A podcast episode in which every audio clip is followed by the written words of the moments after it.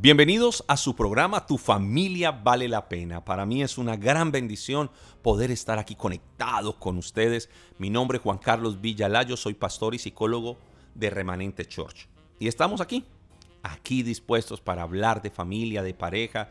Me retroalimenta muchísimo hablar de estos temas, no solo por mi vocación pastoral, sino también por mi formación como psicólogo y que estamos ahí, ahí estamos para ayudarles porque yo creo que eso es lo que tiene que hacer la iglesia. La iglesia de hoy tiene que ser estar para la comunidad, para ayudarles, para darles palabra, para dar consejo con sabiduría. Así que, bueno, estamos hablando de hábitos. Hemos estado hablando toda esta semana de hábitos y hoy quiero hablarle acerca de hábitos que pueden ayudarle a mantener un matrimonio saludable. Usted me preguntaría, ¿qué hábitos puedo, puedo hacer? ¿Puedo, puedo construir con mi pareja? Pues bien, la Biblia dice en Proverbios 9.1 que la sabiduría edificó su casa, labró sus siete columnas.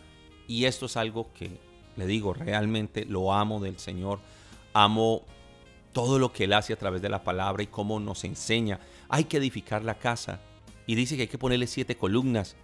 Hoy le voy a hablar de diez columnas para mantener ese matrimonio saludable. Uno de ellos es pasar más tiempo juntos. Las parejas casadas necesitan pasar tiempo juntos para fortalecer su relación. Asegúrense de planear actividades donde puedan salir juntos en la noche o durante fines de semana. Si no pueden tomar vacaciones inmediatamente, póngalo como una meta que quieren lograr. Al pasar tiempo de pareja entenderán mejor sus diferencias y podrán resolver mejor los problemas que estas diferencias pueden causar pasen tiempo juntos. Recuerda que todos los días el Señor hablaba con Adán, ¿sí se acuerda? Dice que vino la voz del Señor que se paseaba por el huerto y le preguntaba a Adán, ¿dónde estás tú? ¿Dónde estás tú? Lo mismo dijo, está en Cantares, eh, la mujer pregunta al hombre, ¿dónde paseas tus cabritas, tus corderos, déjame ir, ¿por qué andaré yo, dice ella, en los pastizales y en las manadas de otros pastores? Porque si ella no anda contigo, ¿con quién anda? Por eso es importante pasar tiempo juntos. Pero para ello les voy a pedir también que van a requerir darse, eh, aprender a resolver los conflictos de una manera constructiva. Miren los conflictos que están teniendo ahora, revísenlos. ¿De qué le están sirviendo? Mantenerse en ellos. Los conflictos son una parte normal de la relación, sin embargo, hay momentos cuando un conflicto puede escalar en intensidad y volverse y convertirse en una situación emocional y físicamente insegura no permitas que una discusión llegue a escalar y terminar en violencia. Entiendo que hay tensiones en el hogar. Yo también las he tenido.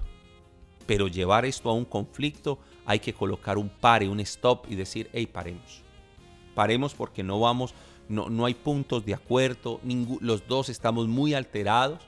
¿Qué tal si oramos un momento o después hablamos? Tómense un tiempo fuera para resolver el conflicto en su corazón. Deje que la ira pase. Usualmente tiene una curva emocional. Primero se dispara y luego desciende. Algunas personas son como las planchas. Ah, se van calentando y duran. Y, casi que, ah, esa ira le puede durar días hasta meses. Pero es necesario sacar eso de tu corazón y empezar a construir en base a a pedirle al Señor que es cierto que hay conflictos, pero que realmente no te quedes ahí, avanza. Yo necesito que avance. Digiere tu vino, le dijo el profeta Ana. Y ella dijo, yo no estoy borracha, yo tengo una angustia horrible en mi alma. Mi alma está angustiada. Porque era, Ana era provocada por, por la otra esposa del Cana, que eh, creo que se llamaba Penina. Mi mamá tenía exactamente una, una perrita que se llamaba Penina. Así que esta mujer, alborotadora, provocaba a Ana, la provocaba en ira, porque Ana no podía tener hijos. Pero un día Ana se humilló ante el Señor Y recuerdo que el profeta vino y le dijo el, que Dios le conceda su petición. Y Ana pudo tener al, al sacerdote, al, al, profeta o al juez Josué, eh, Samuel. Ya iba a decir que Josué, pero fue Samuel. Y allí esta mujer pudo ver la maravilla de Dios porque una vez su sano vientre, ese vientre fue sano para siempre. Y creo que la misma Biblia lo referencia que pudo tener más hijos. ¿Qué es lo que quiero decirle? Qué bueno que hoy usted pueda resolver sus problemas de manera diferente, sus conflictos, las batallas que hoy libra. Y usted pueda venir al Señor y decirle, Señor, aquí hay un tema por resolver y son los conflictos en mi hogar, porque esto se volvió, un pan de cada día. No, no, no, no hallamos eh, puntos eh, de equilibrio, siempre nos estamos sacando en cara lo que uno ha hecho por el otro pero hoy necesitamos, Señor, que nos transformes y que nos ayudes a construir basados, amados, en el respeto al otro. El respeto al otro es muy importante y quiero colocarlo como un punto número tres en un matrimonio que, tiene columnas, que es saludable. Muestra respeto el uno al otro en todo momento. Cuando una pareja se falta respeto, caen hábitos negativos. Quiero decirle algo, estudios demuestran que lo que daña más rápido una relación es la crítica, los insultos y las humillaciones. Amados, no, así no nos mandó el Señor. El Señor no nos mandó a señalar, a juzgar, el Señor no nos mandó a dañar, el Señor nos mandó a restaurar. El Señor nos mandó a dar vida de esa vida que Él nos da, a otorgarle vida a otros, al matrimonio, al hogar, a construirlo en el nombre de Jesucristo. Ahora, ah, quiero que te enfoques también a trabajar en ti. Por favor, usted no es un producto terminado. Usted está en un proceso. Enfócate en descubrirte a ti mismo. Mucha gente entra en una relación sin conocerse a sí mismo lo suficiente, lo cual resulta en una dificultad para conocer bien a su pareja. El aprender de ti mismo te equipará para crecer como individuo y como pareja. Porque hay personas, doy un ejemplo, Ah, Villa como personas, una maravilla. Villa como personas, una maravilla. Me sonó bien, me sonó bien. Pero como pareja, ¿cómo es? Yo conozco cantidad de personas que son una elegancia, decimos en Colombia, son una elegancia. Espero que acá también lo digan.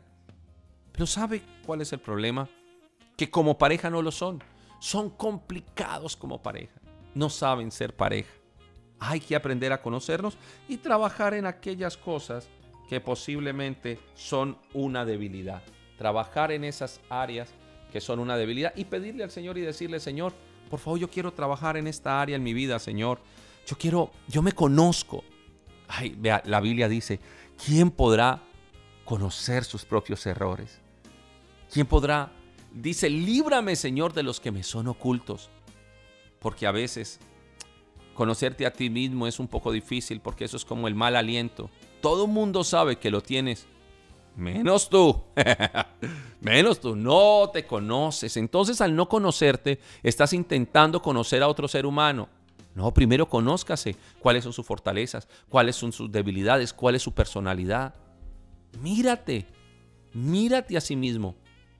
Mírate y dile, Señor, quiero conocerme y quiero, Señor, que me ayudes en aquellas áreas de mi vida que tal vez ah, no, no te honro tanto y tal vez esto puede estar afectando a mi pareja.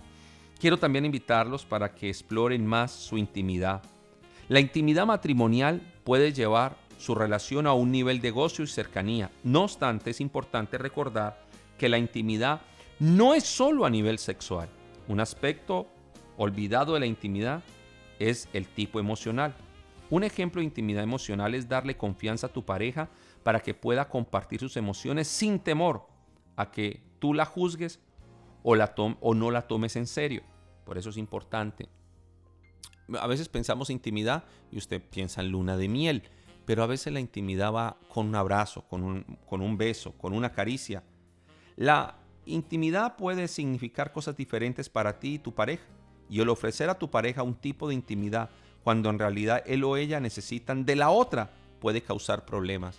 A veces en la noche, mi esposa Jessica ah, me ha dicho, mira, ah, necesito que me abraces.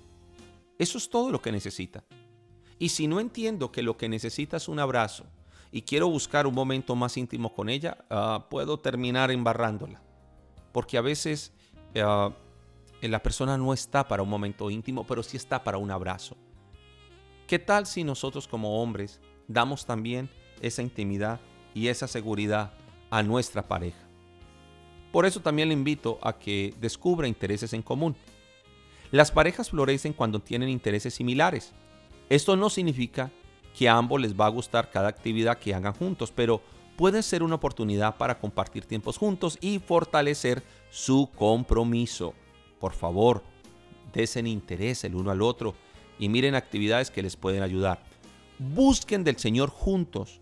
Un punto más para terminar este programa en esta mañana. Busquen del Señor juntos. Muchas parejas se unen más cuando comparten de una forma muy positiva su conexión espiritual. Así lo llamamos en remanente, conexión Conexión es, es, un momento en el cual tenemos para conectarnos con otras personas, en compartir la palabra, en orar, pero qué bueno que haya esa conexión también en la pareja, que oran juntos, que comparten, que se regalan un versículo. Me gusta, vea, yo se lo digo, me gusta cuando mi esposa me llama y me dice, mira, ahí te dejé una nota y es una palabra que Dios le reveló, que Dios le enseñó y eso me edifica, porque al final nos tenemos el uno al otro para edificarnos espiritualmente. Así que Recuerden, mejor, mejores son dos que uno. Eh, por favor, eh, tengan un principio en esto. Eh, escojan lo mejor para su pareja. Escojan lo mejor para su pareja. Escójalo, por favor, y diga, venga, yo, yo, quiero lo mejor para mi pareja. Y qué bueno cuando los dos, no sé si pudiéramos decir competir, pero sí los dos tienen un interés de que el otro esté bien, de que el otro se sienta muy bien en la relación y en cualquier lugar en el cual se encuentre. Ah, quiero terminar con esto. Necesito que, que se perdonen. Hay muchas parejas que los cielos se han cerrado y son cielos como de bronce, dice la palabra, por falta de perdón. Necesitamos ser más como Jesús y menos resentimiento. Resentimiento, repetir sentimientos. Y en estos hábitos que he estado hablando esta semana, creo que podemos trabajar el perdón. ¿Por qué no la llamas? Llámalo. Dile, mira, te perdono o te pido perdón. Quiero liberarte de eso que pasó. No, yo necesito que esto no, no vaya más así. Necesito que se restaure. Necesito que, que haya vida en ustedes y una vida en abundancia. Y la única manera de hallar esa vida es a través del perdón. Dice la Biblia, cuando estén orando, perdonen. Y luego cuando se vean, perdónense. Pero primero en oración. En oración, busquen juntos y lleguen a ese momento. Yo sé que si lo hacen, las victorias que van a tener del Señor son tremendas, porque van a mantener un tanque emocional sano y no una mezcla de cantidad de cosas que lo único que hace es enfermarlos. De verdad quiero verlos sanos, quiero verlos bendecidos y restaurados. Ánimo, que el Señor los unió. No es un error, esta palabra es para alguien que me está escuchando, no es un error que Dios los haya unido. No piense. Yo sé que a veces por las crisis que tienen dicen, no, esto fue un error. No es un error. Dios los unió. Pero hay que ser inteligentes para sacar adelante ese hogar. Quiero orar. Padre, quiero pedirte por la sanidad de los matrimonios y de los hogares. Quiero pedirte por nuestros hogares, me incluyo también. Y quiero pedir, rogar a ti, Señor, que haya sanidad y haya restauración y puedan disfrutar de un hogar, de un hogar feliz y bendecido por ti. Te doy gracias por lo que haces en ellos, en el nombre de Jesucristo. Amén y amén. Recuerde tu familia vale la pena. Bendiciones. Quiero recordarle a todos nuestros oyentes que se pueden comunicar con nosotros. Queremos ayudarles. Llámenos en este momento al teléfono 571-469-3385. Nuevamente lo repito, 571 469-3385. Y en redes sociales síganos como Remanente Church. Estamos para bendecirles y ayudarles. Bendición.